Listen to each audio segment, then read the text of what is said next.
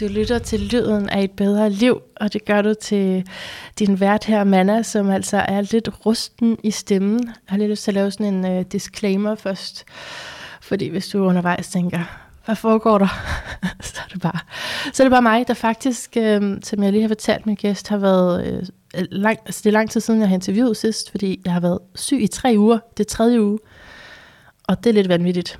Men øh, det kan der nok godt være nogle grunde til alligevel. Men det er altså noget, som har gået rigtig meget over min stemme, som er, til, jeg synes, den er tilbage, men øh, den der, altså, jeg tror, der er en, man kalder det nok en nasal klang.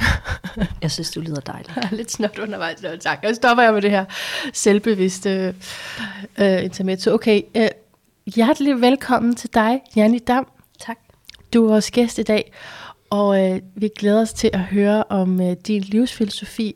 Du arbejder som oprydningsmentor. Ja. Det har heddet lidt forskelligt, men inden for den kategori af også ja. oprydningsflow. Og du skrev til mig for noget tid siden, øh, ikke fordi det, jeg har været lidt hård. det var lidt svært.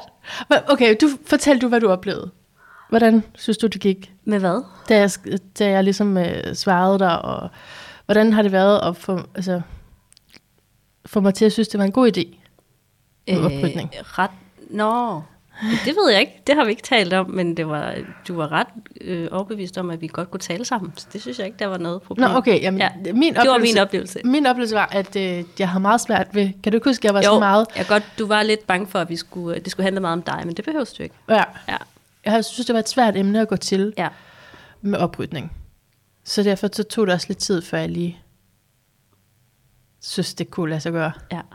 Men, øh, men jeg synes, øh, tanken om at gøre det nu, og øh, tanken om, at, øh, at gå fra det her afsnit, det kommer ud i januar, det øh, giver super god mening, fordi det er helt vildt ofte der, at mange får den her lyst til at give slip på nogle ting, og sætte en masse nytårsfortsæt måske endda på alle mulige områder i sit liv. Øhm, og det er ikke, fordi jeg er sådan super meget fortaler lige for det, men jeg synes gerne, jeg vil være med til at gribe chancen, når der er mange, som har lyst til at rydde op.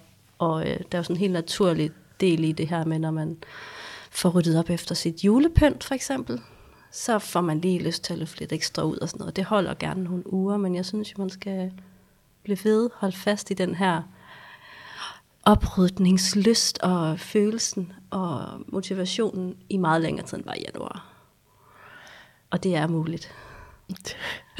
Så fik vi den det er muligt. Janne, hvad fik dig til at interessere dig for oprydning i sådan et omfang, at du nu gør det fuld tid og hjælper andre til at rydde Næsten op? Næsten fuld tid i hvert fald. Ja. Øhm, jeg startede ud, jeg har altid været kreativ. Øh, jeg har lyst til at have et kreativt virke på en eller anden måde. Jeg kaldte mig sådan selv for kreativitist, og jeg kunne ikke sådan sætte ord på, hvad det var. Øhm, men jeg synes det her med indretning og med hjem og hvordan vi bor og vores vaner og rutiner, det synes jeg der er enormt spændende. Øh, men det er der ikke sådan rigtig, da jeg startede en uddannelse indenfor. Så, så sådan en mellemvej for mig, som også var en mega god mellemvej, det var at starte øh, som dekoratør, øh, butiksdekoratør, øh, og simpelthen indrette butikker og lave nogle mega lækre områder og miljøer og øh, inspirere til at skabe smukke hjem. Men det jeg bare kunne se, det var, at øh, det handlede også rigtig meget om, at de her butikker skulle tjene en masse penge. Øh, og det gjorde, at jeg følte, at jeg var med til at bidrage til det her overforbrug, vi ser i verden. Og det havde det faktisk ret svært ved. Så øh, for nogle år siden, faktisk fem år siden cirka, der, øh, der sagde jeg det her gode job op som, øh, som dekoratør. For jeg synes ligesom, nu kunne jeg ikke lige være i, øh, i det mere. Og havde ligesom brug for, var det dit skulle... første job? Øh, det var ikke mit første job, men jeg har været der i, i syv år. Så det var noget, du sådan havde valgt til, ja. fordi at du kunne mærke, der var den her kreative impuls. Yes, og okay. jeg var også jeg var glad for det. Jeg var virkelig mm. glad for det. Mm. Men så bliver jeg mor, og kunne godt mærke, okay, der skal ske noget andet, mm. sådan, så det ikke bliver for hamsterhjulsagtigt. Uh-huh. Øhm, og jeg har haft nogle andre små jobs før også, som dekoratør også. Så jeg har haft sådan, de der 10 år i branchen, og så er jeg bare sådan, nu kan jeg ikke det her mere, der skal ligesom ske noget andet. Jeg synes, jeg vil gerne arbejde mere med mennesket, og ikke så meget med om det skal være den ene eller den anden vase, der skal stå på det her sofabord. Aha. Øhm, Og hvorfor? Altså, går du ikke op i det? Mm, ikke mere. Okay, men det øh, gjorde du? Det Og gjorde jeg skiftede det? enormt meget. Okay. Og jeg kunne bare se, når jeg kiggede tilbage, at jeg brugte virkelig meget tid på, at tingene derhjemme skulle stå snorlige og super flotte, og det skulle matche og sådan noget. Og det er ikke, fordi det ikke gør det nu. Det er bare på et andet niveau, så at sige. Mm. Øhm, mm. Så, så når man sådan hører det her med indretning, så øh, synes jeg tit, at æstetikken er ret høj. Altså at man, eller man, for, man forventer, at æstetikken skal være ret høj hos en indretningskonsulent, som jeg var på det tidspunkt. Og som jeg også startede ud min egen virksomhed med. Øh, og, øh, og æstetikken er bare ikke vigtig for mig på samme niveau som, hvad er du for et menneske, hvad er det for nogle vaner, du har, hvad er det for et liv, du har. Er det vigtigt for dig, om du har 17 vaser, eller om du har tre vaser til de blomster, du måske får. Altså, hvor meget skal du egentlig have i dit hjem? Så det skiftede fra at være sådan en objektiv æstetik, Ja, til mere at sige, hvad vil den enkelte, Ja. og være autentisk for den enkelte. ja, egentlig. Mm. Og så kunne jeg bare sådan, når jeg kiggede tilbage, der for fem år siden, ja, også for to år siden, hvor jeg startede min virksomhed, kunne jeg godt se, at jeg har faktisk selv været i gang med en ret stor oprydningsproces, øh, siden jeg flyttede hjemmefra. Fordi da jeg flyttede hjemmefra, der havde jeg rigtig mange ting med. Og da jeg skulle flytte anden gang, der havde jeg rigtig, rigtig, rigtig mange ting med. Og da jeg skulle flytte tredje gang, der havde jeg næsten lige så mange ting med. Og det var sådan, det virker fuldstændig åndssvagt. Skal du med at flytte alle de her ting? Og noget af det har jeg slet ikke pakket ud. Og jeg blev bare ved med sådan at samle til bunke. Og når man arbejder i en butik, så er der bare nye, lækre, flotte ting hele tiden, som man bare må eje. Men jeg kunne godt sådan se, at jeg ikke, blev egentlig ikke lykkeligere af at eje alle de her ting. Så ubevidst, så gik jeg faktisk i gang med at rydde op og skille mig af med vildt mange ting. Okay, lad os lige få noget kronologi. Så, så vi var der i historien med, at du havde det her job, og så var du blevet mor, og så begyndte dine prioriteter at skifte. Ja. Alligevel så var der noget andet, der var vigtigt. Kunne du bare sige op fra din dag til den anden? Var Nej. du ikke afhængig af lønnen? Jo, mm. det var jeg. Og jeg, jeg havde en, en barsel på de der 10 måneder, og så startede jeg op, og det føltes bare så forkert også at starte op. Jeg var slet ikke, jeg var ikke klar til at forlade mit barn som 10 måneder, men det var sådan, man gjorde Ja. ja. dengang, og jeg Ja. troede ikke, man kunne gøre andet, og jeg gik også tilbage på mit arbejde på 35 timer, mm. og, øhm, og så kunne jeg bare mærke, det, det kan jeg ikke, og så gik jeg ned på 32 timer efter et, et halvt år eller sådan noget. Og jeg kunne bare stadigvæk, det er stadigvæk ikke nok det her. Og øh, så kiggede jeg på min mand og sagde, jeg vil helt vildt gerne tage fri, tage overlov i en periode. Og vi regnede på det frem og tilbage, og hvad er der på kontoen af, ja. vi havde fået nogle penge ud som, fra huset, som, fordi værdien var steget og sådan noget, så vi havde nogle penge. Mm. Og så tog jeg overlov i fire måneder, og min leder var godt nok sådan, hvad skal du egentlig lave? Mm. Øhm, det ved jeg ikke. Jeg skal lige, bare lige være. Mm. Og efter to måneder, der var jeg bare sådan, jeg skal ikke tilbage igen. Jeg kunne ikke, lige Nej, meget hvad jeg gjorde Det ligger også sådan et pres altså, på, ikke? Der ja, er den der deadline, så er du ikke Der var en fri. deadline. Der skal ske noget efter der fire skal måneder. ske noget efter de her fire måneder, og jeg skulle nå at sige op efter, altså inden for en måned, inden jeg skulle starte, så den der, til inden den første og alt det der, ikke? Øhm, Ja, okay. så, så, Så efter to måneder. Jeg vidste det måske egentlig godt allerede efter, altså da jeg tog overlov, men det var ligesom sådan et, et forsigtigt skridt. Ja. Altså stille og roligt finde ud af, hvad, hvad kan der ske, ved at jeg i hvert fald starter med at tage en pause, og Så- give mig selv tid nok at være mor, og tage mit barn ud af institutionen i den periode også, og bare mm. være mor og være her, og så finde ud af, det er faktisk ret godt, og det er okay, og alle de ting, og altså du ved, sådan drømme jeg havde, de er måske ikke så vigtige som at være til stede lige nu og her. Jeg har ikke brug for at skulle øh, tjene så mange penge, så at der var råd til, at vi kunne tage på ferie hver eneste år, mm. på lange ferier eller mm. noget. Altså, det vil jeg gerne give op for, at, at jeg kunne have en stille og rolig hverdag. Ja. Og så begyndte jeg også med at, altså for også at spare og sådan noget, og have købestop på rigtig mange områder, i særdeleshed på tøj, men mm. også især på ting til mit hjem. Ikke? Mm. Så det med at have købestop, begynde at kigge på, hvad har jeg egentlig i mit hjem, og hvad bruger jeg, hvad har jeg brug for, hvad er det, jeg har lyst til at have, hvad gør mig glad.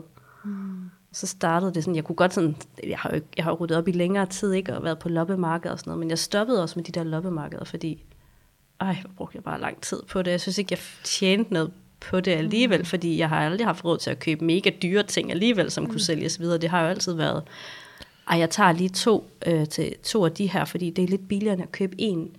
Øh, godt nok er den lidt flottere og sådan noget. Så jeg, var, jeg har altid været sådan, tager det næstbedste.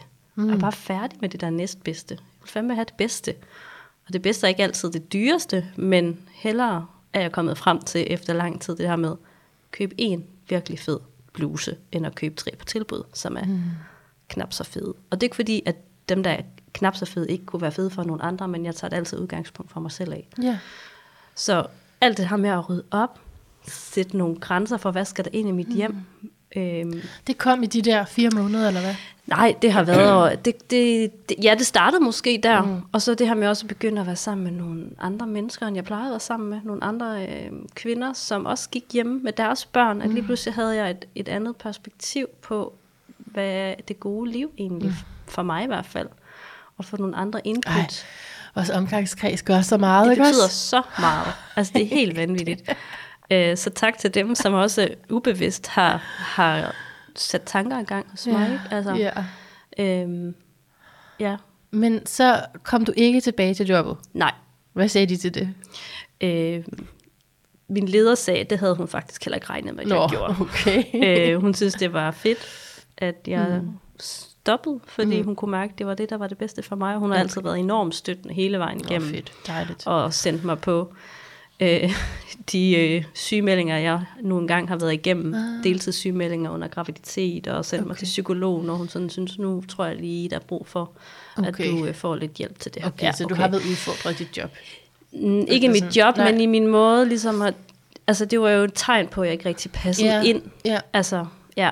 At Så for at hjælpe selv. mig at finde ud af, mm. hvad er det egentlig? Ja, jeg føler mig ikke udfordret. Jeg føler bare, at min krop sagde jo bare fra mm. over for den verden, jeg egentlig var i, og som jeg har Klart. sat mig selv i. Ja.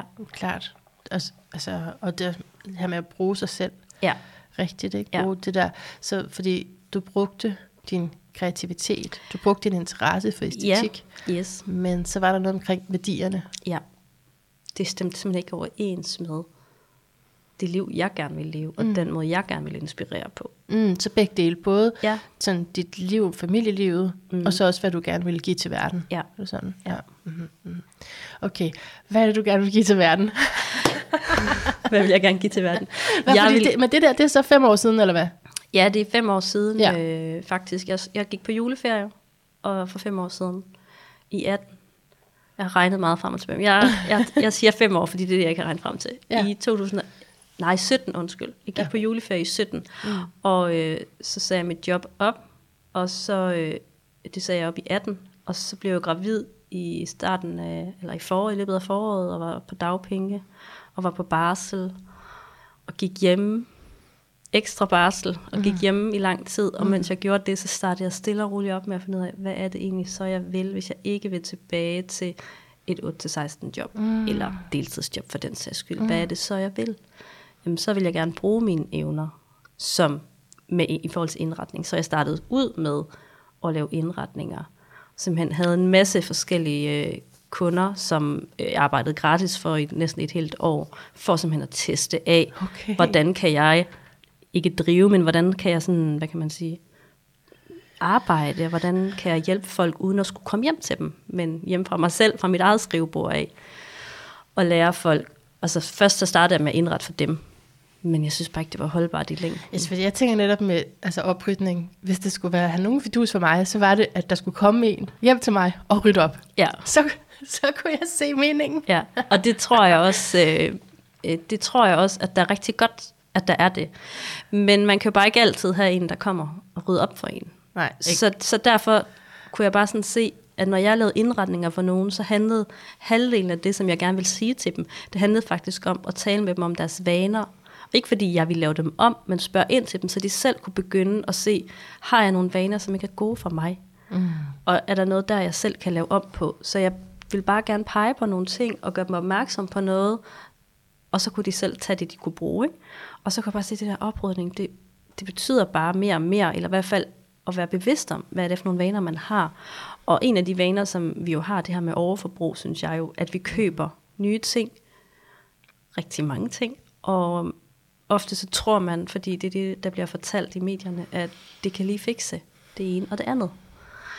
Og man bliver lige lidt lykkelig, og det kan godt være, at man bliver mega glad for en eller anden ny ting, man har købt, men det er begrænset, altid begrænset vel ingen, den lykke, den der ændrer lykkeros, den egentlig bare, når det kommer til stykket.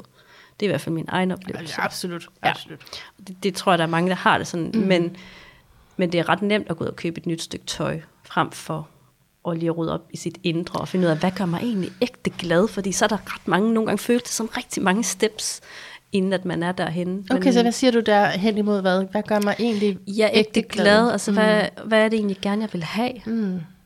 Og jeg har bare sådan fundet ud af her det sidste halve år, jeg vil bare gerne have ro mm.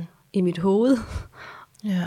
øhm, og det tror jeg godt, man kan få, uden at skal igennem en masse steps, men det kan være ret svært at se, så derfor har jeg sådan et, okay, den der oprydning, begynder at tage stilling til alle sine ting, det starter processen. Det starter mm. i hvert fald processen for mig. Så jo, jeg kan godt komme hjem og rydde op hjemme med dig, mm. men hvis du ikke er en del af den proces og den oprydning, så lærer du heller ikke at tage stilling til dine ting og finde ud af, hvad det er, du egentlig gerne vil have i dit liv.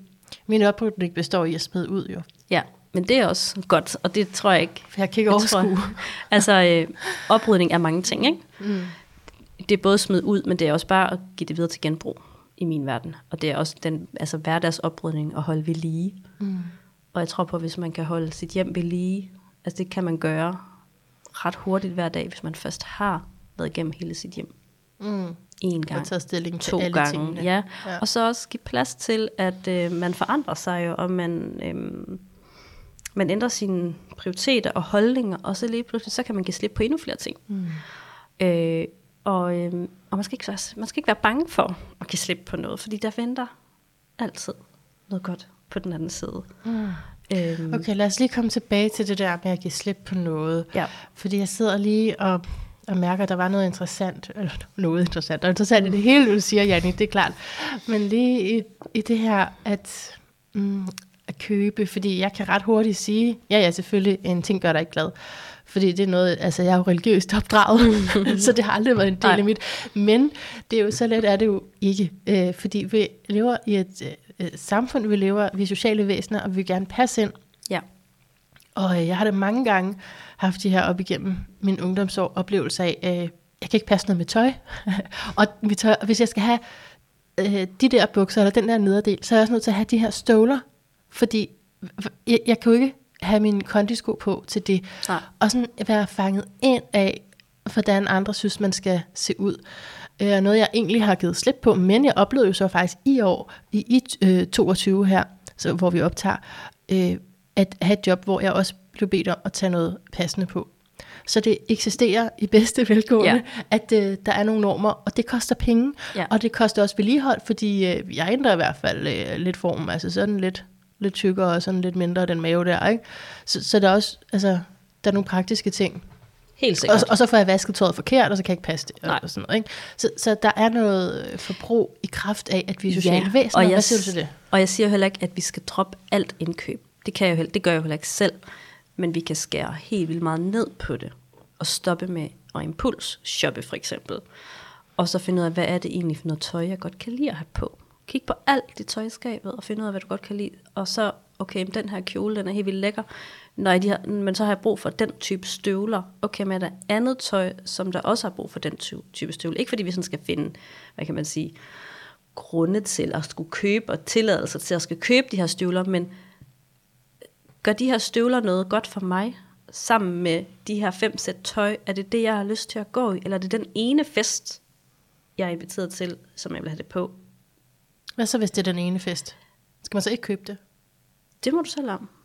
Men jeg vil ikke gøre det, hvis okay. jeg vidste, det kunne være til den ene fest. Nej. Og det er jo ikke, fordi jeg ikke har købt en kjole, som jeg har sådan tænkt, den skal jeg have på, fordi vi skal mm. til den der fest. Øhm, men så har jeg sørget for, at jeg havde noget andet, som jeg, altså, så, så det ikke var sådan et helt nyt outfit. Så sådan, altså jeg får faktisk sådan lidt ondt i kroppen, hvis jeg sådan skal ud og købe helt nyt, nyt, nyt og meget. Så det går ondt på mig. Hvorfor? Fordi det kan verden bare ikke holde til, at, mm. at vi bliver ved med at købe på den måde. Altså, ja. mm. der, der er brug for, at vi virkelig tænker os om. Og heldigvis så, øh, jeg gider det ikke selv, men heldigvis er der nogle andre, som gider sælge deres brugte tøj, og jeg vil super gerne købe brugt tøj. Altså, mm. det er nærmest kun brugt tøj. Jeg køber, der er nogle mm. ganske få ting, som jeg ikke køber brugt, fordi jamen, det kan man ikke få, fordi det når bliver slidt op, inden det kan blive solgt videre. Ikke? Øhm, Så det er mærkevarer, du køber brugt? ikke nødvendigvis. Øhm, ikke nødvendigvis. Jeg kigger sjældent på mærket, men størrelsen, når Ja. jeg går i de der gen, efterhånden ret fede genbrugsbutikker, der findes. Ikke? så du har, lyder det til, en ret sådan pr- pragmatisk tilgang til det, også ansvarsfuld i forhold til, hvad Ja. kan kloden holde til. At, Ja.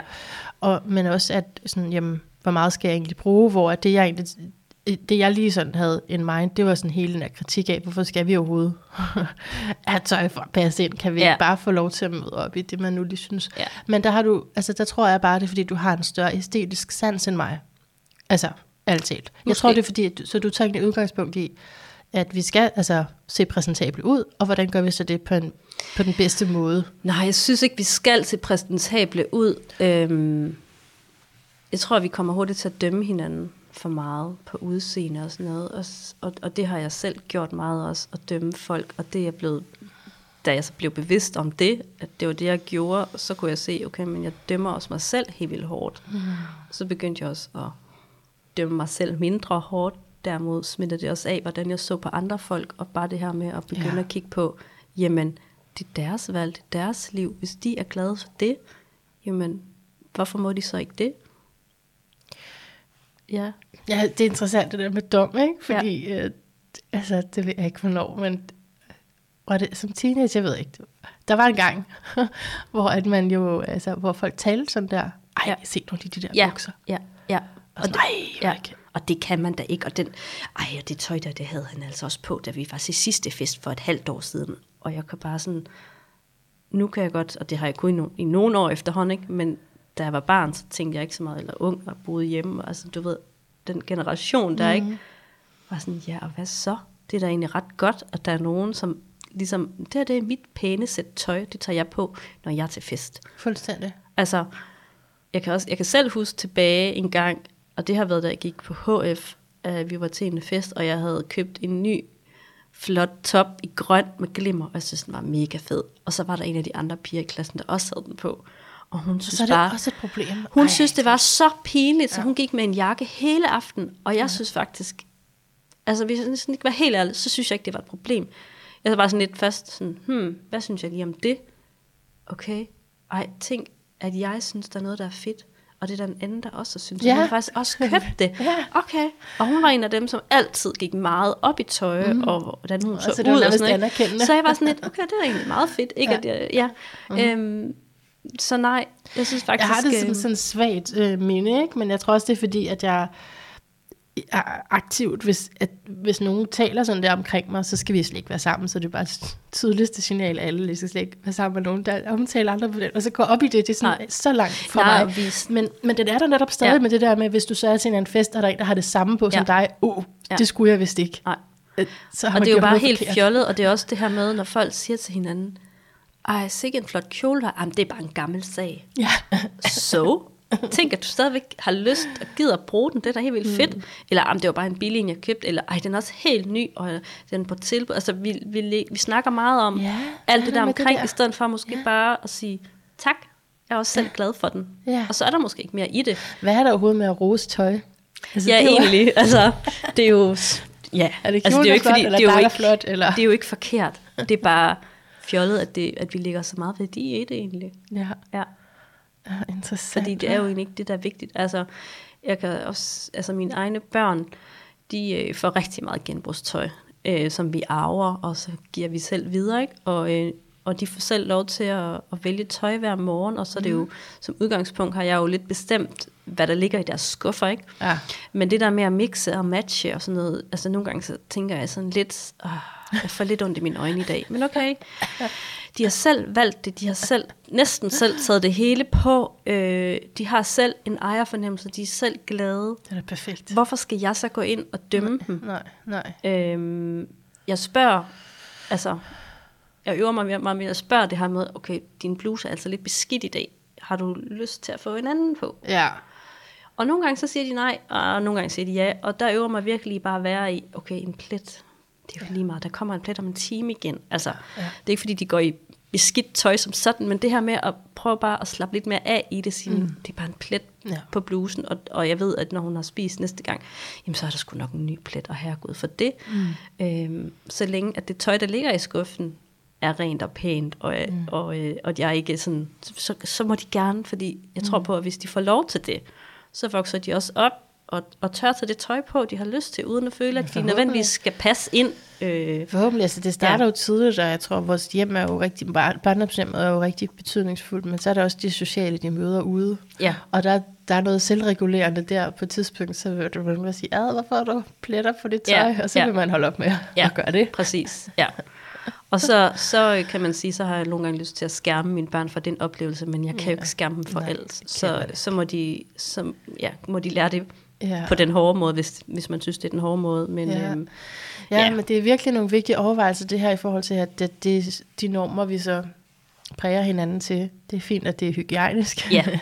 men, øh, men ikke, at, at det skal se ud på, altså, på en bestemt måde. Nej, nej. fordi det er, sådan, det er snæver syn. Ja. Altså, Altså min datter, hun ville meget gerne bare gå i sin storebrors t-shirts, ja. så det har hun bare fået lov til. Ja, Helt vildt meget. Og det der med kjoler, som vi har arvet og fået, og tak, men hun gider ikke have dem på. Aha. Jo, de er sjovt lige at prøve dem, og danse rundt i fem minutter, og så gider hun ikke det mere. Mm. Og jeg har også ligesom skulle slippe tanken om, ja.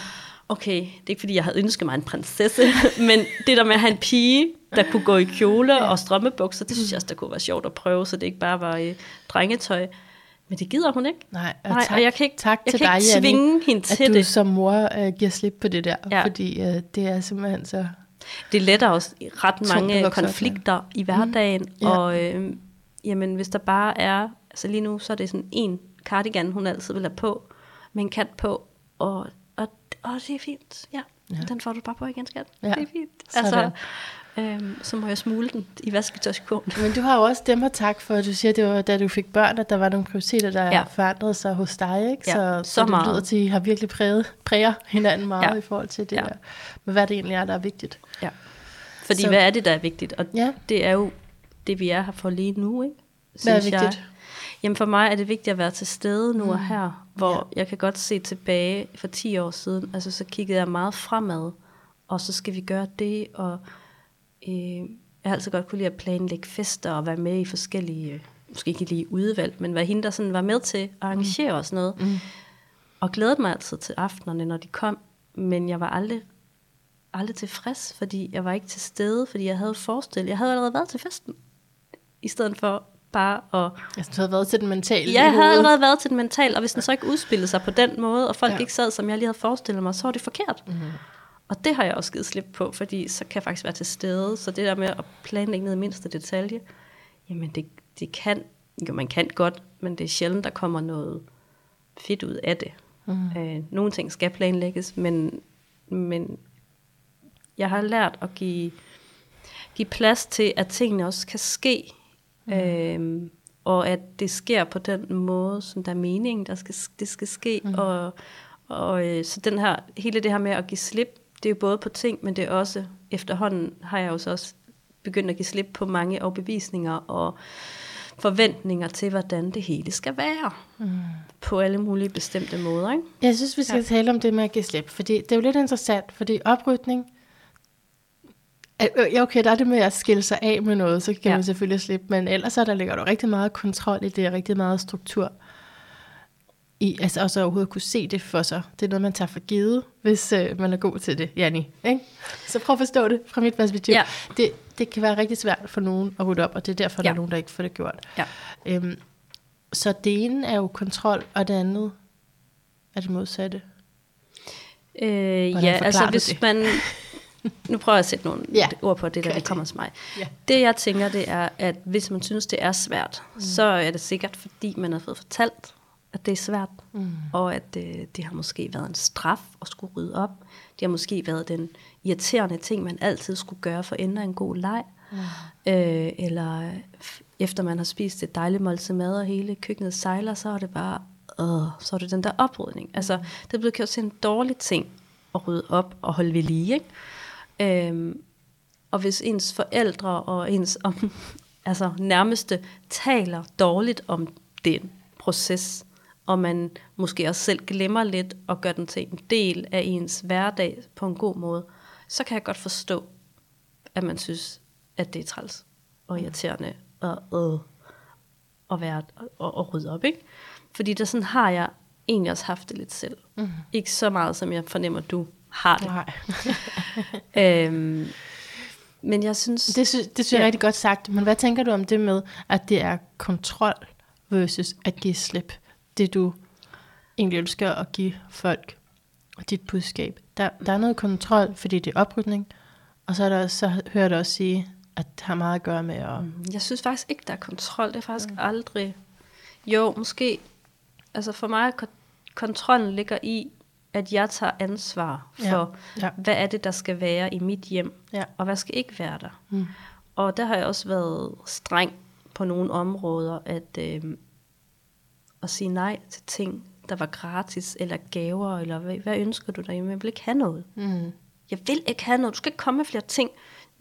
Og så, Kender altså, du de der mennesker, som... så det er også, jo, det er en form for kontrol, det forstår Ja. jeg godt, undskyld. Men, Ja, nej, men, men det er jo vidderligt for, at jeg vil gerne tage ansvar for, hvad det er, at jeg omgiver mig med, og, mm. at, øh, og, øhm, og jeg heller ikke vil give en masse ting videre. Altså spørg altid, vil du have det her? Nej, okay, godt, så giver jeg til genbrug. Og nogle gange siger jeg ja til at modtage noget gratis, andre gange siger jeg nej.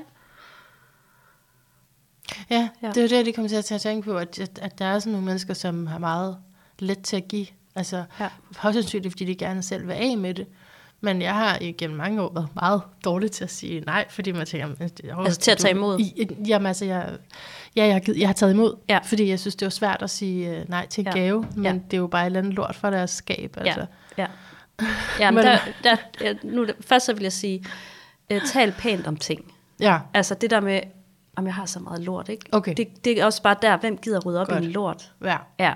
Så allerede der begynde at, at kigge på, eller tænke og tale pænt. Jamen jeg har ikke brug for det, det hun ikke har brug for mere, men se den gode gerning i det og sige, okay, hun tænker Ja. på mig, Det er et gammelt halsterklæde og Ja. en brochure, som ikke har kostet hende noget. ja. men er det en gave, eller er det bare for at være venlig? Altså, du jeg ved. tror måske, der er nogen, der gør det for, at de selv ikke skal bruge det. Ja. Og så får de det til at lyde som om, ej, nu giver jeg det her ud af mit gode hjerte ja. til dig. Ja.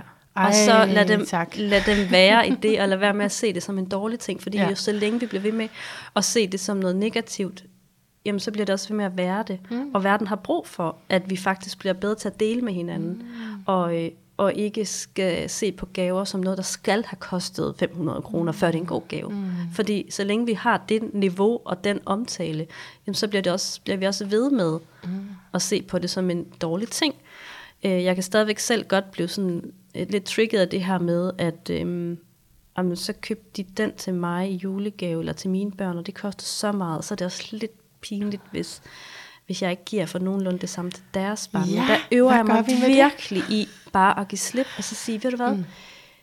for det første så børn, de ved ikke, hvad ting koster. Og hvis vi først øh, har, har lyst til at sige, optræde det med, at de får en gave, som de faktisk ønsker sig, så vi også, hvad er det børn, barnet gerne vil have, og stoler på, at det kan de godt finde ud af, og så skal vi ikke, fordi vi skal give dem alle 100 ting, men, øh, men give dem det, de ønsker sig, og så ikke give dem alt muligt andet. Mm.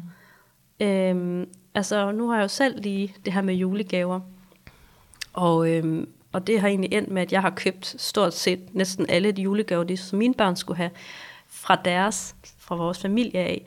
Og de gaver, som jeg så har givet tilbage, øh, de har faktisk, øh, nogle af dem har kostet mere, og nogle har kostet mindre. Og jeg har sådan lige taget mig selv i 10 sekunder, ah, går det nu an det her? Ja, for det er bare, et- det er bare en julegave, et barn til, et, til en etårig. Altså, han kan ikke huske det. Men ville det være noget andet, hvis det var til en 40-årig? Øh, både fordi, at jeg som udgangspunkt ikke giver julegaver til voksne, Nej, men, men, gaver, også, gaver så. Du snakker Ja. også om det der med, hvad man har givet, hvad har jeg fået, hvad giver jeg ja, nu til og den det, her? Og det kan stadigvæk godt sådan lige sidde lidt i mig på sådan, jamen hvad er det, jeg har lyst til at give, og hvad er det, vedkommende ønsker sig, særligt fordi, jeg prøver så at se det for mig, hvis jeg siger, at jeg ønsker mig det her, og så alle kommer med, okay, I ikke se, hvis jeg siger, at jeg ønsker mig en lyserød elefant, og alle kommer med lyserøde katte, hvem er det så, der har vundet noget? Altså, hvem er glad for det? Så nogle gange, selvom det er dejligt at give en gave, som man selv synes passer helt vildt godt til vedkommende, men hvis vedkommende ikke har, vidderligt ikke har ønsket sig det, eller sagt noget helt andet. Ja, men så tænker på, prisen er vel, altså det er vel svært helt at, at ja, og jeg, på. altså. jeg tror, vi skal give, give mere slip på det, og, ja. og, og det har jeg også givet slip på. Men derfor kan den godt lige komme ind og vinde og sige, ja. okay, er det her fair? Ja, det synes jeg faktisk, det er okay. Altså, og give slip ja. på de der forventninger. Det, jeg synes virkelig, det er spændende, det er skal du vide.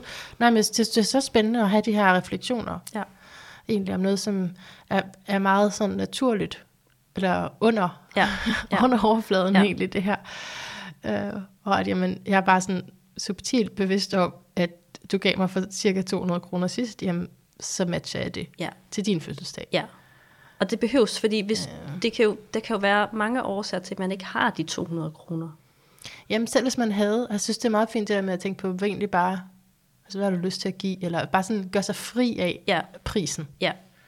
Det kunne også have været på tilbud, at, at det havde eksempel, kostet 200, eksempel, men jeg fik ja. det til 80. Ja.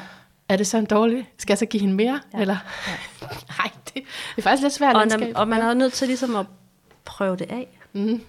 Og mærke efter, hvordan føles det, hvordan var det. Og så måske snakke med vedkommende om det efterfølgende. Måske ikke lige på selve dagen, hvor man har givet det, hvor der måske er en stor fest og en masse gæster. Men øhm, altså, vi har lige for nylig været hjemme hos nogen, øh, min mands kollegaer, og øh, vi var tre par, og det ene par havde en blomst med.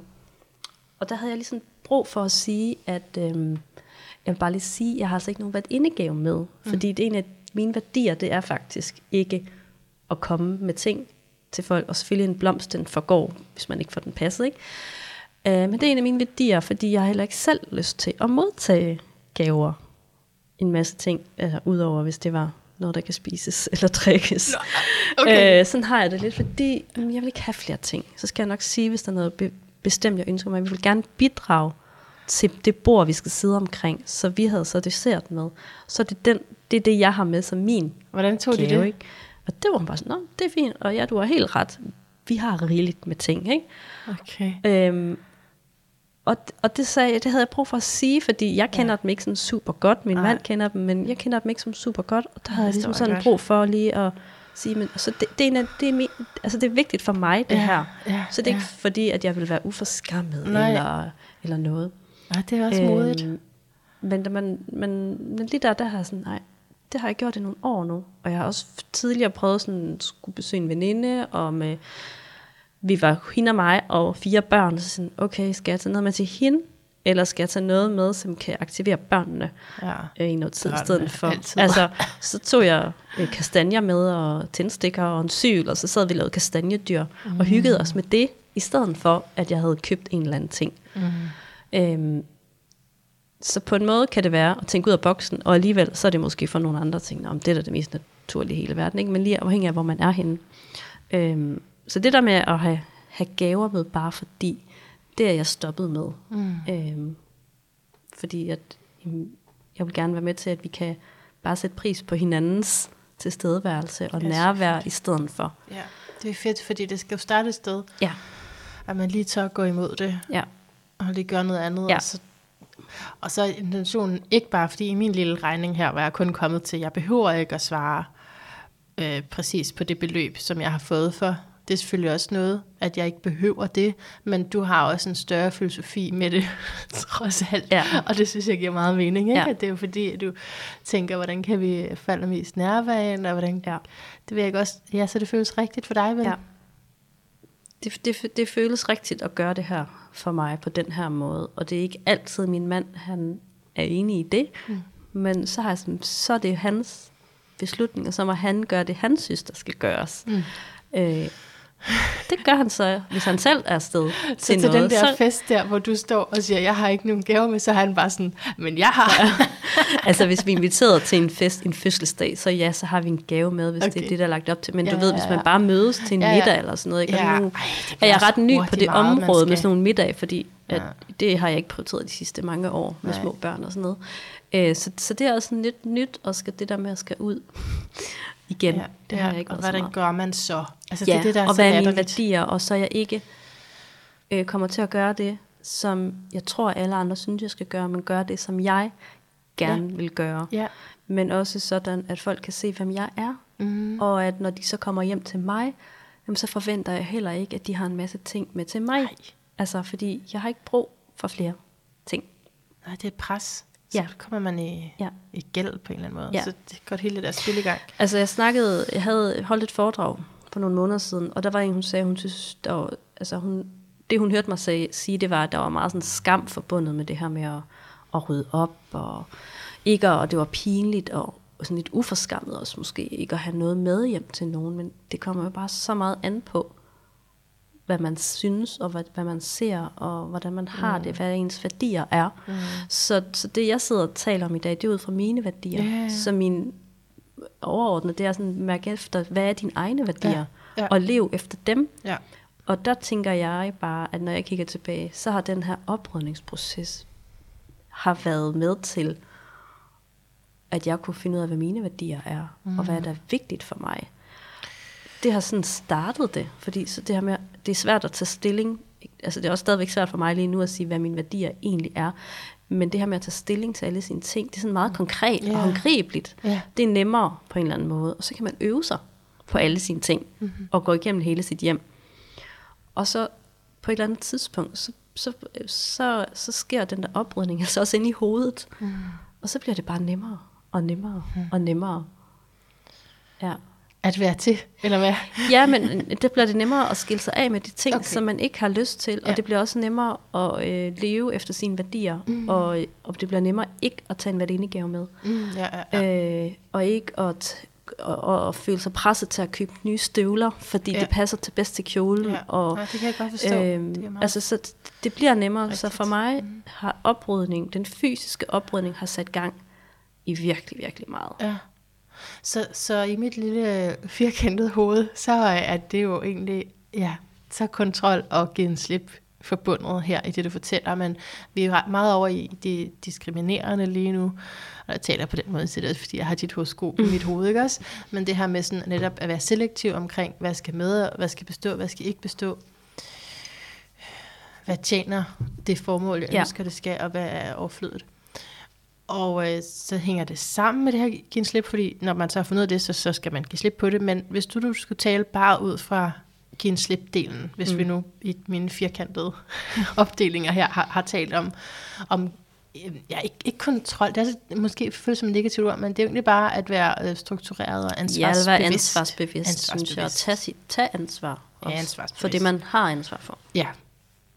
Accountability. Mm, Ikke? ja. Engelsk, ja. Og så den anden med, når vi giver totalt slip. Kan du tale om det? Ja, altså øh, jeg er jo i gang for anden gang nu med at give totalt slip.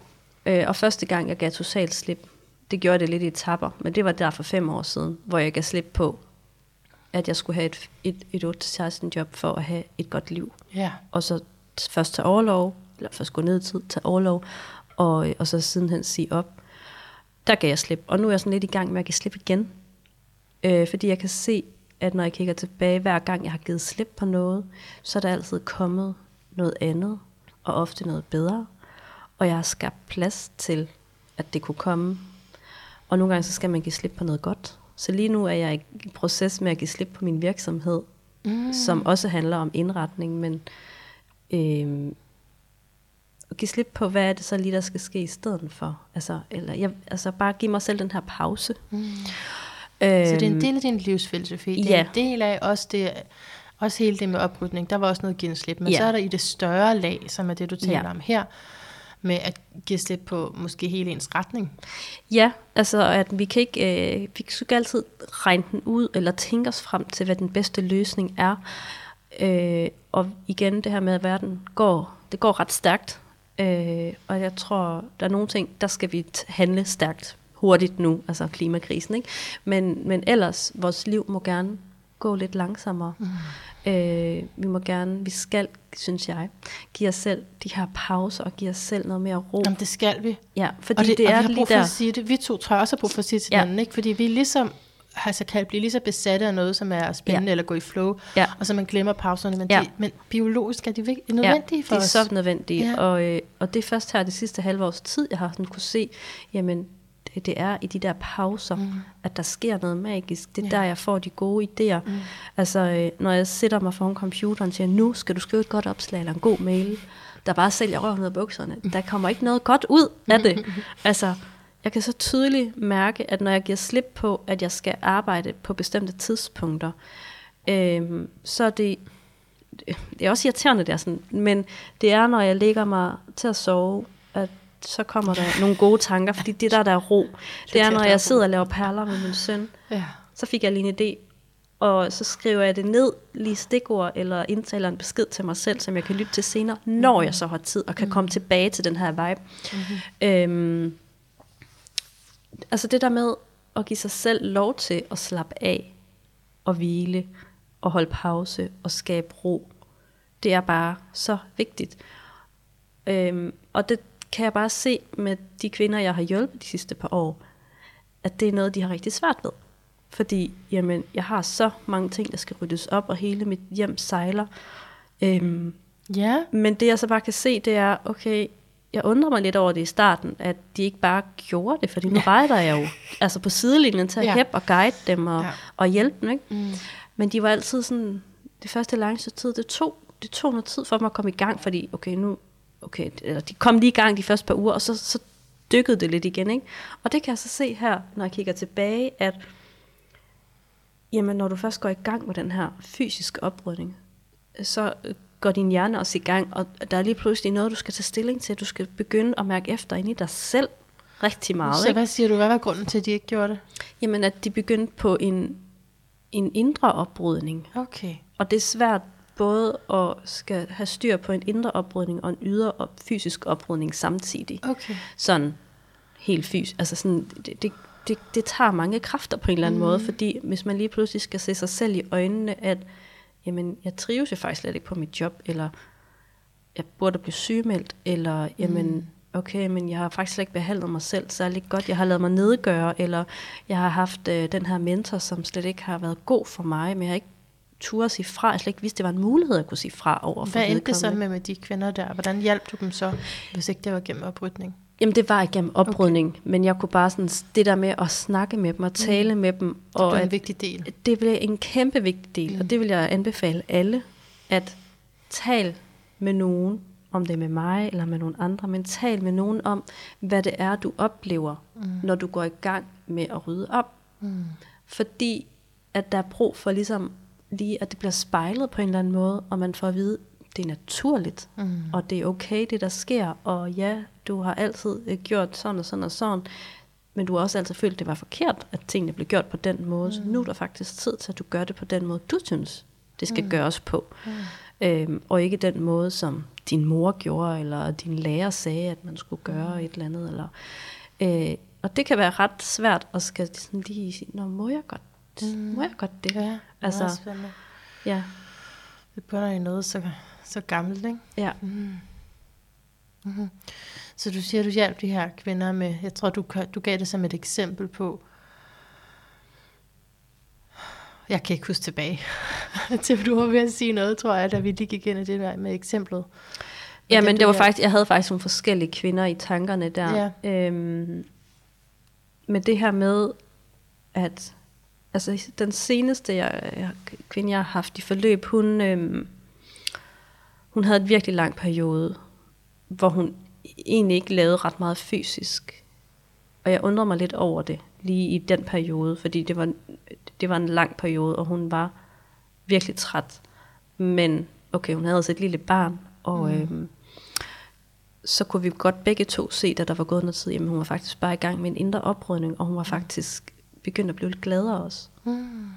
Hvor da hun startede hos mig, der var hun faktisk, altså hun kunne næsten ikke engang se mig i øjnene, når mm. vi mødtes på Zoom. Mm. Til sidst, hvor hun bare var altså virkelig, virkelig glad. Af, altså sådan, nu er tiden gået, vi er nødt til at stoppe nu. Ikke? Ja, øh, hvor hun, altså hun var virkelig glad, og, og altså, der, det var bare sådan verden til forskel, og hun var også rolig omkring, at okay, jeg har stadigvæk mange ting, der skal ryddes op. Jeg har kørt så mange læs væk, hvor hun startede ud med, at når der er noget, der skal køres væk på genbrug eller noget, så får jeg nogle andre til at gøre det, fordi det skal ikke lige ned i min lokale, for jeg vil ikke selv stå på det igen. Mm. Til nu kunne hun bare køre hver uge, det var lige meget. Altså hun har simpelthen kommet, øvet sig og sluttet fred med at finde sin egen ting igen, og det var ikke Mm. pinligt at, øhm, at komme hjem og så se sit hjem og sige, at jeg er faktisk ret glad og taknemmelig for det, jeg allerede har, og jeg kan bare mærke, at når jeg giver slip på alle de her ting, jamen så får jeg bare skabt noget mere plads, og der kommer mere ro, og jeg kan bare bedre se, hvad jeg har, og hvad jeg Absolut. godt kan lide. Ja. Og, og, øh, og hun kunne også slippe tanken om, jamen, det gør ikke så meget, at jeg ikke er kommet til bunds i alt, hvad der skal ryddes op mm-hmm. på det her halve år. Det er okay at være rolig i det. Mm. Mm. Okay. Det, er en, det er en ret stor gave at nå, finde den fred med sig selv, ikke? Jo, Ja. altså jeg har skrevet noget på min øh, hånd her, fordi Ja. så vigtigt var det. og det var fordi, jeg, jeg læste godt dit øh, Instagram-opslag om at give slip. Og øh, der er sikkert flere, men det nyligste. Og så tænkte jeg, hvad kræver det at give slip? Nu er jeg meget sådan øh, traumefokuseret, traumehealingsfokuseret Ja. i øjeblikket. Og der taler man om, at for at kunne give slip, er du nødt til at være tryg. Ja. Så er du simpelthen nødt til at være tryg. Og jeg har godt nok levet et øh, meget utrygt liv i mange år, og så flyttet rigtig meget rundt. Øh, Mm. og, og der er så sket en automatisk adskillelsesproces, eller udskillelsesproces, fordi jeg ikke har taget tingene med, som du også beskrev med dine flytninger, ikke? Det skulle du bare lige gange op. at til sidst blev simpelthen for fjollet, at øh, bære de der gamle ting rundt. Øh, men, men altså, jeg, det, det har jo det har så meget at gøre med, hvordan jeg mentalt havde det, følelsesmæssigt havde der, hvor, hvor meget uro og usikkerhed der var indeni. Så hvad, hvad tænker du om det med, at det kræver en indre tryghed at kunne give slip? Altså for det første så har jeg lyst til at sige, at alle de der ting, det er jo en måde at gemme sig lidt på, ikke? Altså så kan man ligesom, har man ligesom det, man kan vise frem, i stedet for at vise sig selv frem. Øhm, og jeg har ikke sådan et magisk ting til, jeg er helt enig med dig i, at det kræver tryghed. Øhm, det som jeg anbefaler, det er, at man og siger den måde, øh, strategi om man vil, som jeg har anbefalet mine klienter at bruge, det er at sige farvel til en ting hver dag. Mm. Hver eneste dag, og blive ved og blive ved og blive ved. Det tager lang tid, inden man bliver tryg i den proces om at give slip. Øhm, men ved at gøre det hver eneste dag, bare ved én ting. Nogle dage kan man godt gøre flere ting, men det vigtigste for, det tror jeg på, det er at gøre det lidt hver dag, fordi så bliver du ved med at være i øh, et sted, hvor at det, det, okay, det er kun én ting. Det kan jeg godt lige overskue. Øhm, og det kan være med til at udvide din komfortzone, så du ikke bliver ved med at være sådan et lille sted, hvor du ikke giver slip på noget, men så, okay, jeg tager bare lige et skridt og giver slip på, og giver slip på en ting. Så, så der, på den måde kan du udvide dig.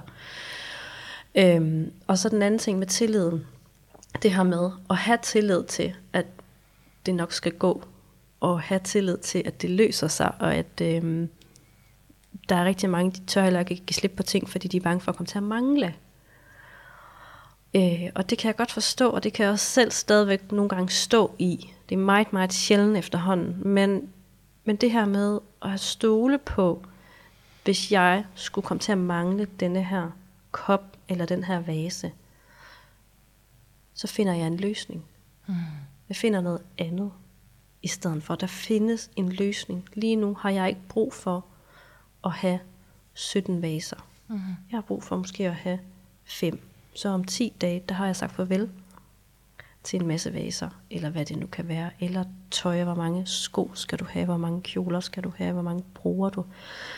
Øhm, men der er nødt til, man, altså, jeg tror ikke, at man kan træne, jeg ved ikke, det ved jeg faktisk ikke, men jeg ved ikke, om man kan træne sin tillid, men det her med virkelig at stole på, jeg finder en løsning, hvis jeg skulle få brug for det. Hvis jeg en dag får 18 gæster, Ja, og skal bruge 18, 18 kop, glas. Ja, eller sådan, ikke? Så findes der en løsning på det. Ja, altså man kan ja. jo, jeg synes, altså det kan selvfølgelig være flovt at bede om nogen at tage fem glas med, fordi man mangler. Men det er jo kun fordi man selv siger til sig selv, at det er flovt eller pinligt at Ja. bede om den hjælp. Det synes jeg på ingen måde, det er. Nej. Så det der med tillid, det er bare altså en kæmpe mm. proces. Øh, det er også noget, som jeg har arbejdet enormt meget på- med. Øh, det her med at have tillid til, at tingene sker, som de skal ske. For eksempel bare det at komme hjem til dig i dag. Ja. øh, og skulle sætte mig i et tog for første gang i virkelig, virkelig lang tid. Jeg tror, jeg kan ikke huske det, men lad os bare sige, det er et år siden, jeg sidst har kørt i tog, hvis ikke det er længere tid siden. Og så skulle tage en bus, mm. og være lidt presset på tiden, mm. og så ikke nå bussen.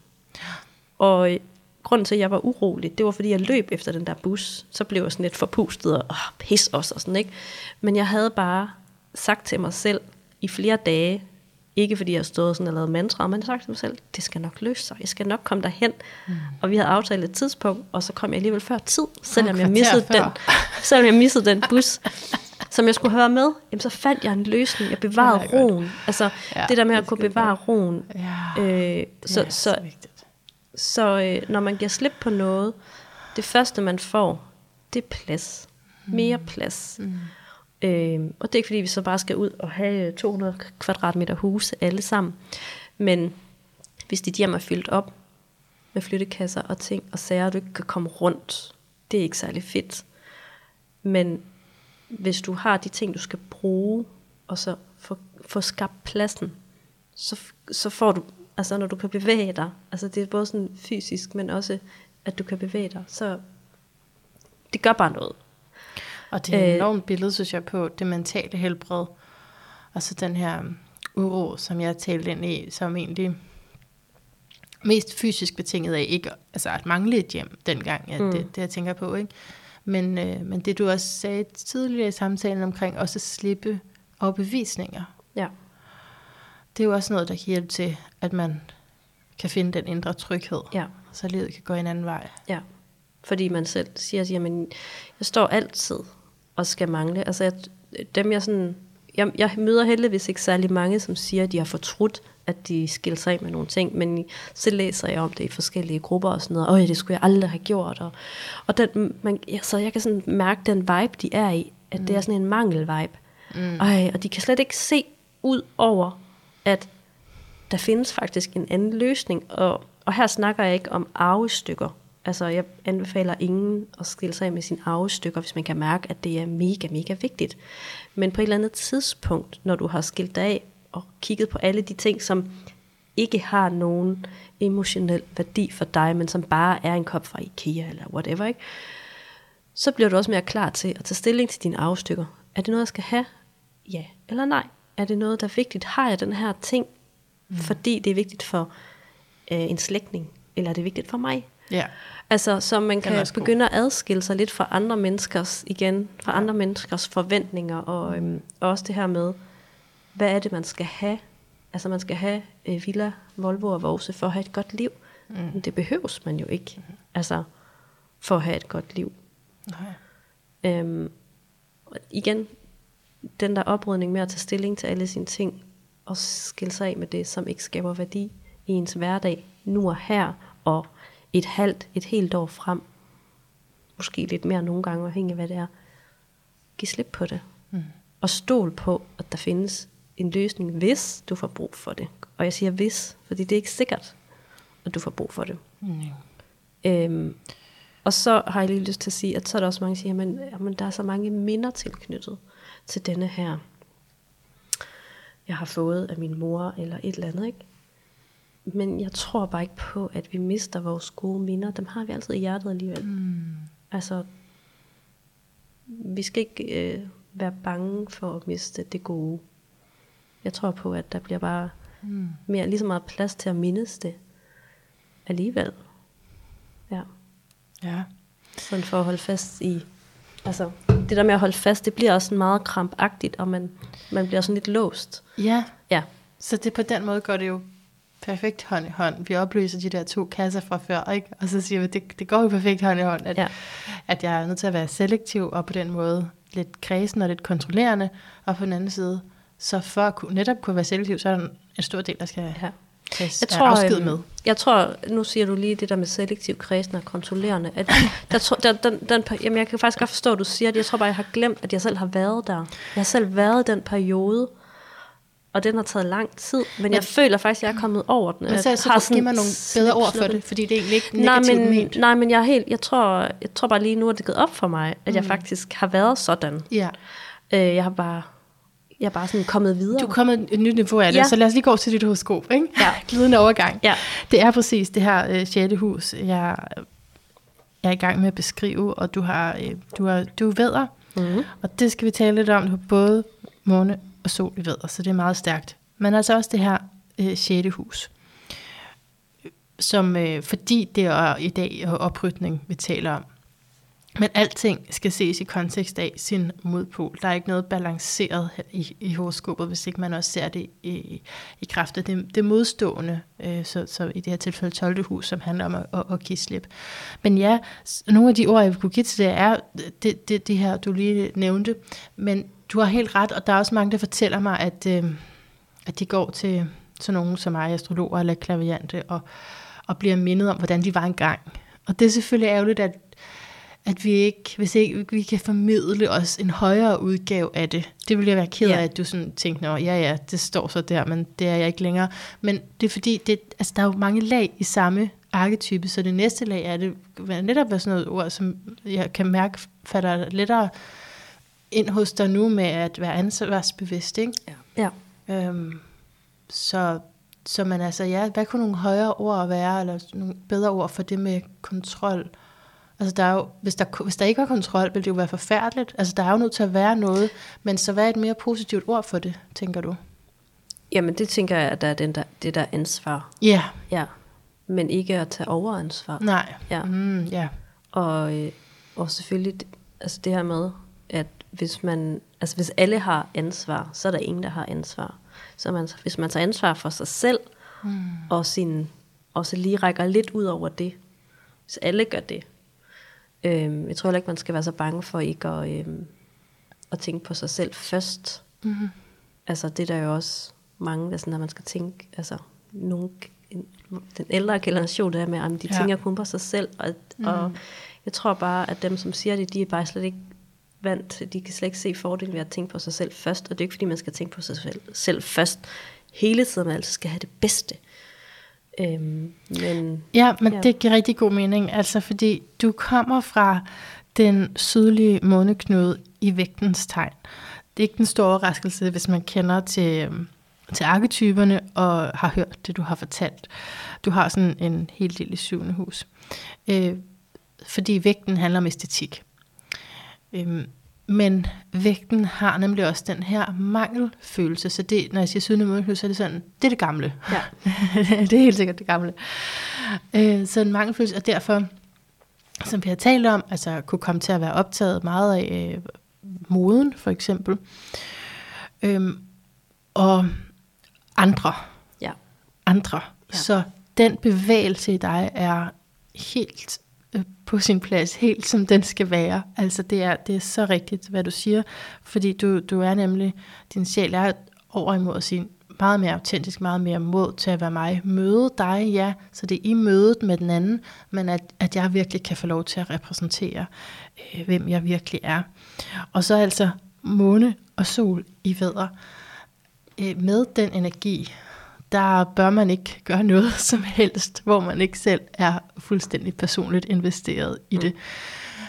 Altså, det er virkelig vigtigt. Øh, Det, det er virkelig også vanskeligt at, for dig at gøre noget, som du ikke er fuldstændig personligt investeret i. Altså, det, så Ja. bliver det noget gammelt, så trækker du på noget, som du kendte engang, og du skulle tilpasse dig osv. Ja. Ja. Men altså, det er virkelig sådan et statement fra sjælen om, jeg, jeg skal være helt med i det her. ja, Så, og så er det en øh, kardinalenergi, og især i vederen, så er det en, øh, det er en iværksætterenergi, og det er en, som der også øh, kan, øh, ja, nogen vil måske have flere projekter, men, men egentlig, det er egentlig ikke så meget det, jeg ser hos dig, fordi den er så stærk, den her vederenergi, så jeg kunne forestille mig, at den også giver et stort fokus, men men det vil give et behov for at øh, skifte kurs, øh, som vi også har talt om. Og jeg plejer at sige sådan, hvert, hvert syvende år, men det, det er bare sådan et Saturn-udregning. Øh, det giver meget god mening. udregning. det kunne være syv år, det, det kan også være baseret på en anden planet. Men Saturn, det er sådan, så bliver tingene ligesom til og etableret. Øh, så er der behov for et, og det kan være et meget markant skifte. Øh, lige så meget som man jo vil, men det kan, det, det ser man hos de her kardinale tegn, at det kan være et meget markant øh, kursskifte, og, øh, og noget, som man sådan okay, det havde jeg slet ikke lige tænkt. altså fra andres perspektiv, at du vil gøre det. Men øh, det er sådan, det skal være.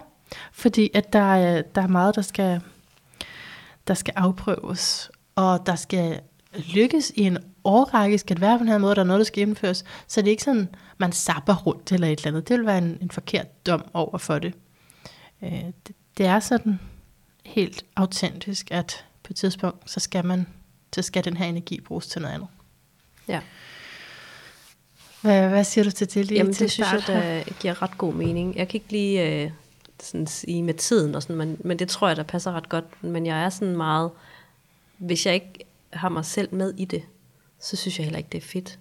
Øh, men jeg har ikke altid været tro mod den. Altså, så er jeg sådan lidt gået og puttet mig og bare fulgt med strømmen, fordi jeg vidste ikke, at jeg gerne måtte gå min egen vej. Ja, det er det gamle, ikke? Ja, Det er det gamle. Ja. hvor du skulle tilpasse dig. ja. Så øh, hvornår begyndte du at gå din egen vej? Jamen, det føler jeg, jeg gjorde, øh, da jeg sagde mit job op, Ja, øh, faktisk. ja. Øhm, og egentlig gjorde det også nok lidt før, men jeg igen, altså da jeg blev 30, der var der sådan, der var jeg på barsel, og der kunne jeg mærke, det var der, det begyndte at ske mm. inde i mig, det der skifte, men jeg turde ikke at gå skridtene i den fysiske verden. Der gik lige halvandet år, inden at, øh, at jeg gjorde det, mm. men det var en, svær tid, synes jeg, fordi at når noget indeni siger en ting, og man ikke tør at gøre det, som ens Ja. indre fortæller, ikke? det er fandme hårdt. ja. Ja. Og en nødvendig brydningstid, tænker jeg. Ja. Altså, og det var jo ikke andres skyld, det var jo mig selv, der gjorde det mm. hårdt ved ikke at ture at gøre det. Men når man får at vide, at det er helt naturligt, og ikke at, øh, altså, jamen, det går over det der med, at, mm. øh, at, jamen, øh, at du gerne vil være hjemme med dit barn, det går over. Det gik bare ikke over med mig. det kan jeg altså, ja. Ja. Så, men også igen, du siger det der med, at jeg sapper ikke sådan rundt. Nej, Jeg, jeg, er sådan, jeg er fokuseret, går jeg efter det her, og Ja. når det så kører, så er jeg sådan, okay, nu, nu er det nu er det gjort. Ja, så det nu skal jeg videre til, måde. noget, Ja, til ja. noget, ikke nødvendigvis noget andet, men mm. næste niveau, Ja. eller ja. Ja, Ja, så jeg tænker både om det, du siger med, at, at det er jo dit Saturn return, der du beskriver de, de 30 år, og, og så plus lidt.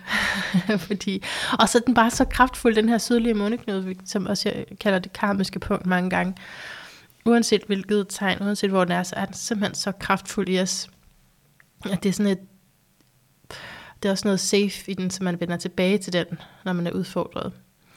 Og, øh, men jo mere man, man arbejder med sig selv, jo mere man kommer hen imod sit livsformål, jo mere positivt vil du kunne bruge den kvalitet, du er kommet ind med, som ja. Jo i det her tilfælde netop er æstetikken, og en adgang til at vide, hvordan andre tænker.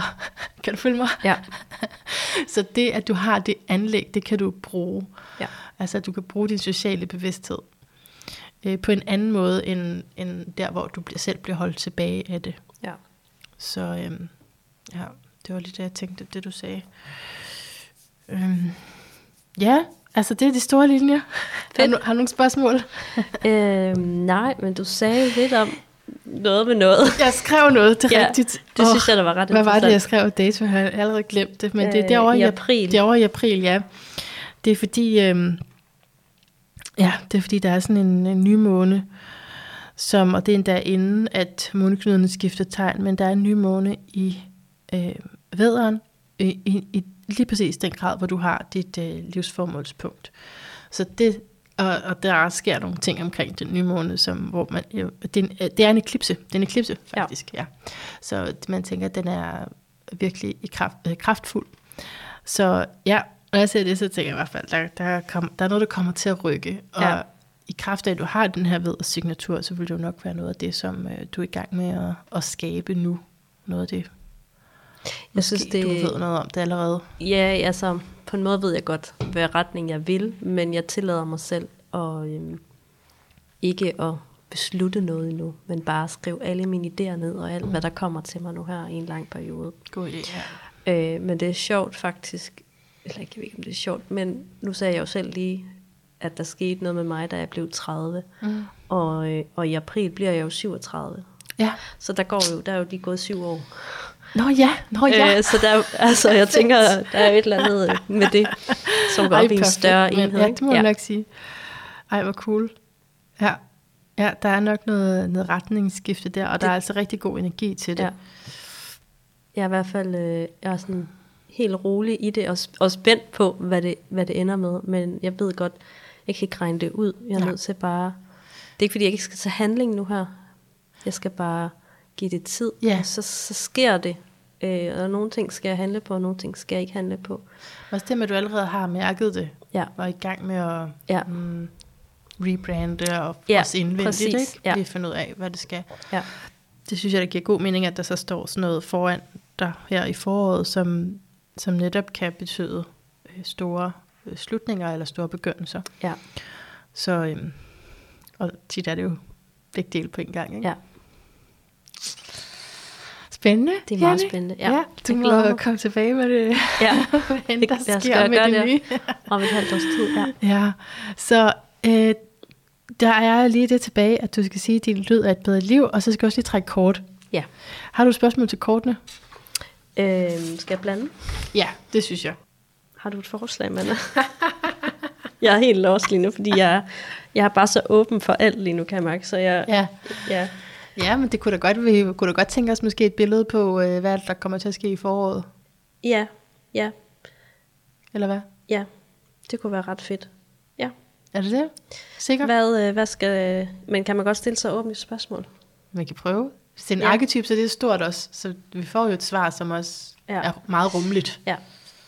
Øh, ja, hvad skal der ske i mit forår? Ja. Et, vi vil gerne have et billede på det. Ja, et ja. Ja. billede på, hvad øh, mit forår... Hvad trækker du? Trækker Your home and your roots. du? Nej, hvor er det sjovt. your Det er jo. Ej, undskyld, af. man kan køre, hvad du sagde nok, men det var, du sagde øh, hjem, ikke? Jo, Og det synes jeg bare, det er sjovt, fordi det er jo meget... Altså, øh, vil du oversætte det? Det Ja. tror jeg, det er bedst. Jamen, det er fjerde hus. Og, øh, og det er faktisk, øh, din karrierelinje er i, i krebs. Øhm, så, så det har at gøre med, ja, omsorg, helt klart. Men øh, når, vi taler ind i den her kontekst, så er det jo også det fysiske hjem. Mm. Det fysiske hjem med at gøre noget der. Øh, det er også et kardinaltegn. Øh, så, som kan gå i flere retninger. Men det, så står der, the roots of your being. Ikke? Så rødderne af, hvem du er. Så vi skal nok ind til noget hjerte, tænker Ja. jeg. Noget Ja. hjerteblod. Ja. Men også, altså, det, det, det her signal om, at det også kan være det fysiske hjem, eller i det hele taget hjem, Ja. boliger. Ja. Hvad tænker du om det? Jamen, øh, jeg har lige for nylig fået lyst til at ikke renovere, men at opdatere mit eget hjem igen, og tænkte, det skal jeg faktisk i gang med her til foråret. Måske lige sådan, er der nogle vægge, der skal males, og øh, er der noget sådan lige, der skal opdateres, fordi tingene fungerer nu, men det er længe siden, der er blevet sådan mm. lavet sådan noget praktisk arbejde på den mm-hmm. måde. Ja. Øhm, og det kan godt være, at det var Det nødvendigt at, og faktisk ja. at, at gøre det, fordi det har jeg faktisk ikke givet at gøre mm. i mange år. Mm. Fordi jeg var sådan, jamen det fungerer jo fint, fuck der er et hul. altså, men øh, ja, Ja, så kan det godt være, at det var noget af det, ja, der skulle ske, ja. inden at, at du kan komme ja, videre. det kunne mm. faktisk godt være. Mm. Ja. Spændende. Mm. Ja, jeg synes i hvert fald, at det lige umiddelbart var en arketyp, der passer meget godt på det, vi har talt om. Ja. Også med, hvordan det fysiske hænger sammen med, hvem vi er, og hvordan vi kan være i vores hjem fuldstændig, som vi nu er, ikke? Og så et forsøg på at tage det med ud i verden. Altså, ja, mm. præcis. alright. Er du klar til at sige, at din lyd er et bedre liv? Ja, det tror jeg. Cool. Der kommer en lille melodi. Are you ready? Yes. Okay, så du har et minut. Kan du høre den? Mm. Godt. Go.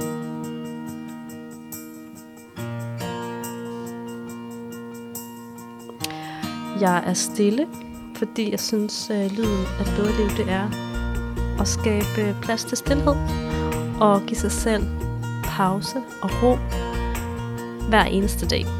Og det kan både være, at man går en tur, og det kan også være, at man bare lige sætter sig ned og lukker øjnene. Og øh, bare lige er stille for sig selv. det har jeg i hvert fald fundet ud af, at nu når jeg tillader mig selv at være stille, så sker der noget magisk. Og den der magi, den har ligesom brug for stillheden, i mit hoved i hvert fald, for at jeg kan høre den og se den og opleve den. Så øh, vær stille og lyt lidt mere hver dag.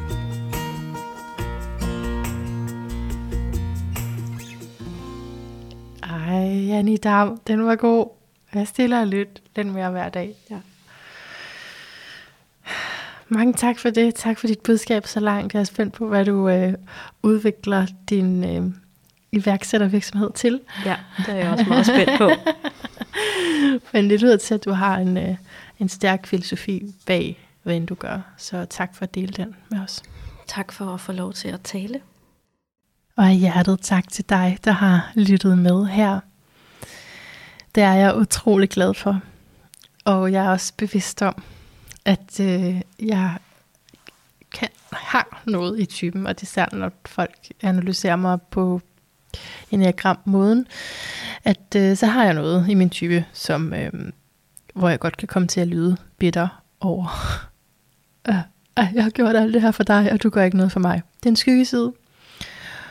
Og, øh, og grunden til, at jeg tager den op, det er fordi, jeg tager den op i lyset så vi kan se på den, og jeg kan holde af den, og jeg kan sige, at jeg forstår den godt, og så kan den måske blive mindsket lidt i forhold til at gå ud over nogle andre, og gå ud over mig selv, fordi det er heller ikke sådan, jeg har lyst til at være.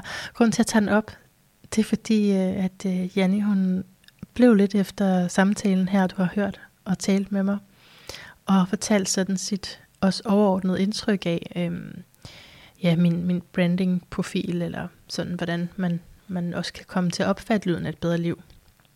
Og det var jeg enormt øh, glad for, hvis du lytter med, Janni, så tusind tak. Jeg var enormt glad for den feedback, fordi det er jo, ja, det kræver nok en veders mod at sige sådan noget. Også at sige, hvordan kan det også blive opfattet på en mindre heldig måde, fordi jeg, jeg synes, jeg får både ros og kritik, men sjældent øh, konstruktiv, øh, konstruktiv kritik.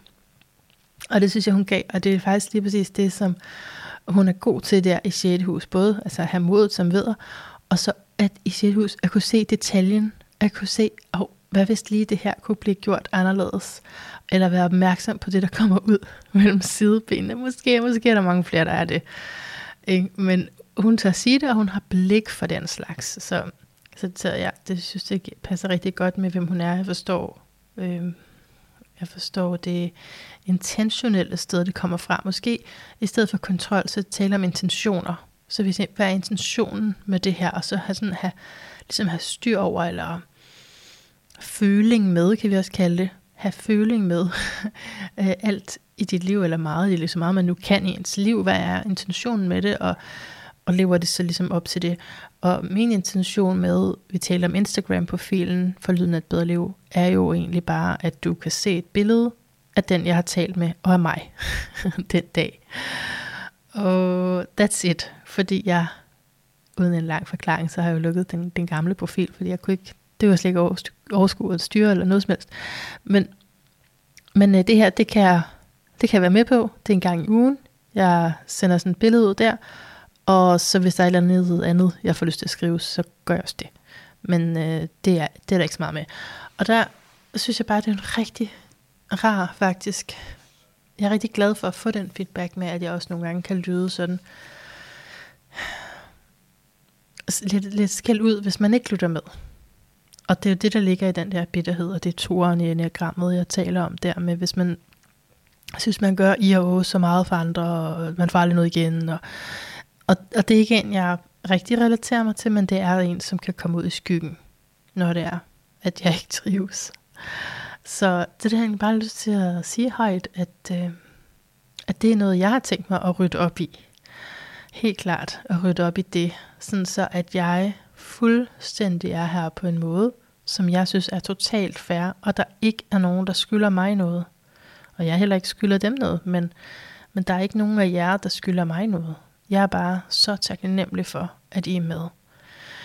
Og som jeg talte med Janne om, så er det jo både et issue omkring, som sætter noget ja, i gang i ens, ens eget indre arbejde. Okay, hvordan kan jeg forholde mig til, til det her? Og så er det også et strukturelt problem, fordi at det, det, det, podcaster har de vilkår, som de nu engang har. Ikke? Men jeg synes, det er en god udfordring fra det strukturelle til, det, i, til mikrokosmos inde i mig.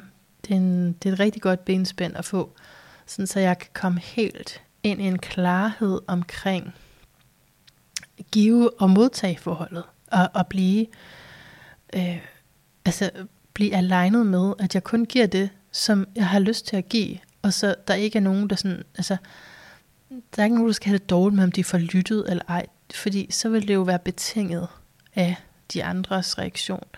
Så, så alt, hvad man kan komme til at formulere på de sociale medier, og som kan blive opfattet på øh, den og den måde af andre, det stammer jo et sted fra. Så det er derfor, jeg trækker den hjem og trækker den dybt ind til at sige, hvad er det egentlig, øh, som, øh, som roder her, man er siden sådan noget kan komme ud. Så det, har været en, det var en kæmpe hjælp for mig, en kæmpe gave for mig lige at få den refleksion. Og jeg synes, der var adskillige undervejs. Jeg håber, du har nyt de her refleksioner. Øh, som altid, så øh, linker jeg til gæsten i The Show Note. Og øh, ja, så glæder jeg mig bare til, at vi høres ved igen. Indtil vi høres ved igen. Gentænk alt. Måske især, hvor du særligt kunne bruge en gennemgang af, hvad du allerede ejer, og en overgivelse til at øh, give slip på det, som egentlig bare fylder, og som fylder, fordi det er gammelt, men ikke fordi det er noget, du står lige og skal bruge.